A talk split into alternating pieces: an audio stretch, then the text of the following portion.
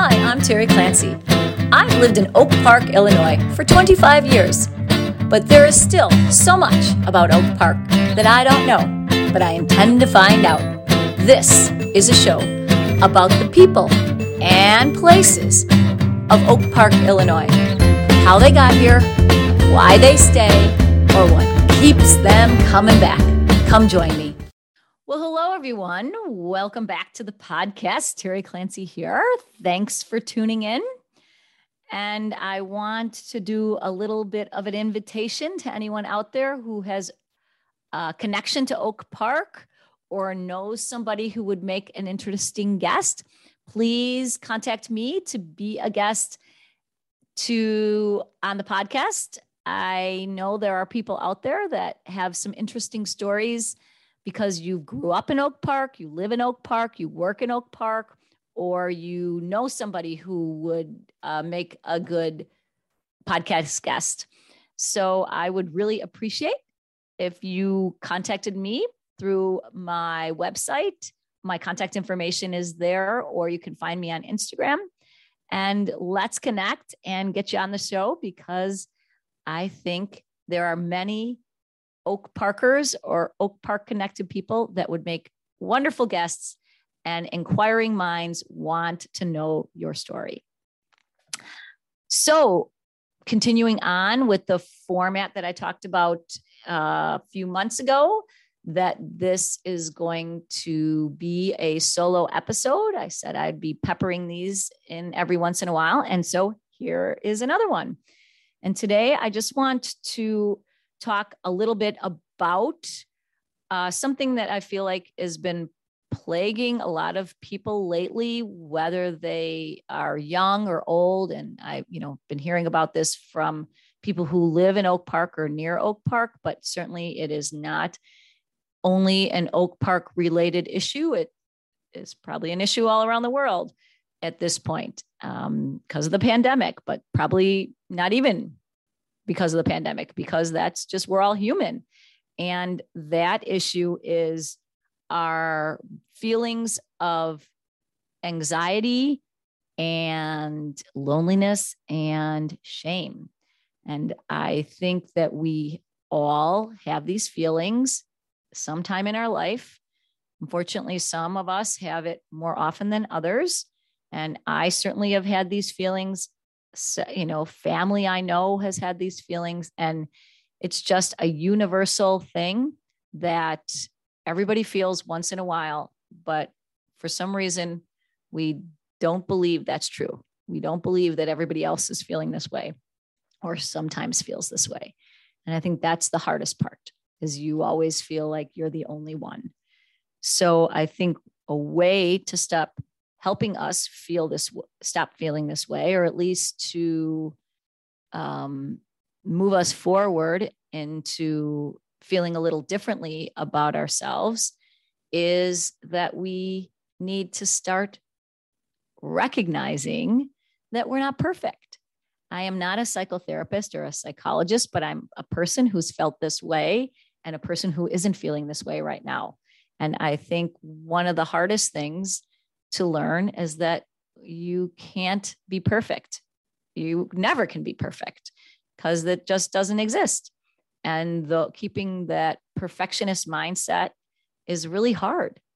Mm, believing that you have to say all the right things or do all the right things or act in a certain way that is always correct is just really hard and overwhelming. And it's not expected. And I think a lot of times we think this way because we see other people who we believe are acting perfect and are doing all the right things or saying all the right things. And the thing is, we only know a part of somebody else's life. We never know the whole story. And if we got the whole story, we would find out that person does not always do the right thing or say the right thing, that they have plenty of times that they've made mistakes or have had failures. And the story that we tell ourselves is everybody else is doing it all perfectly except for me. And that just is not true.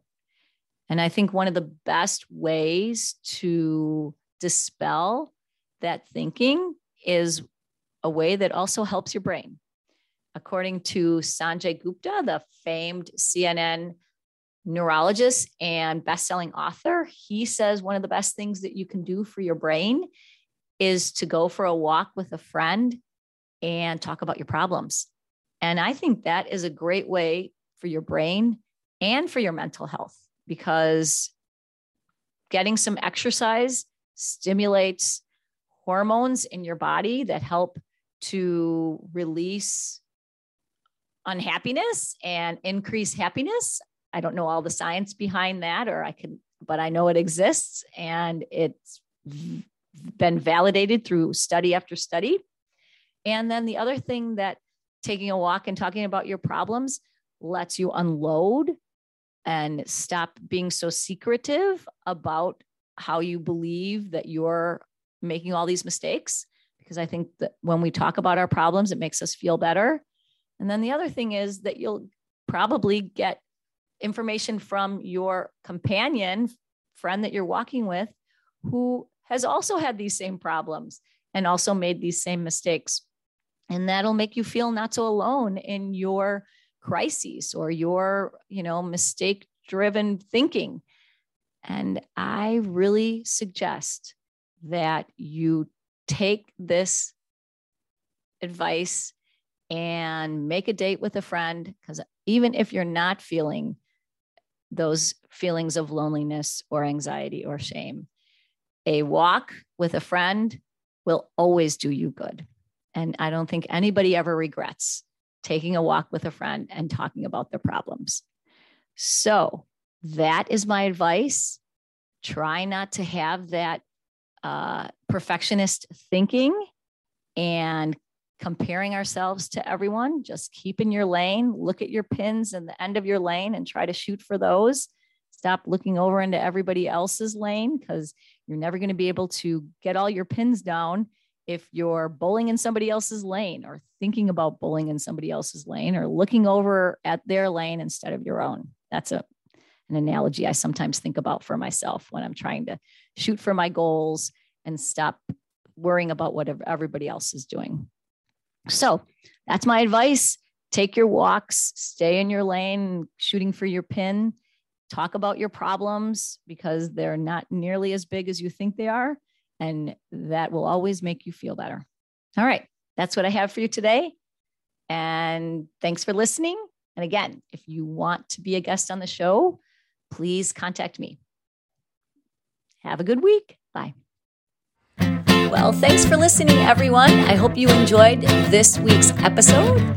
If you want to contact me directly, you can do so through my website, Teresa Clancy Law. You can find all my contact information right there.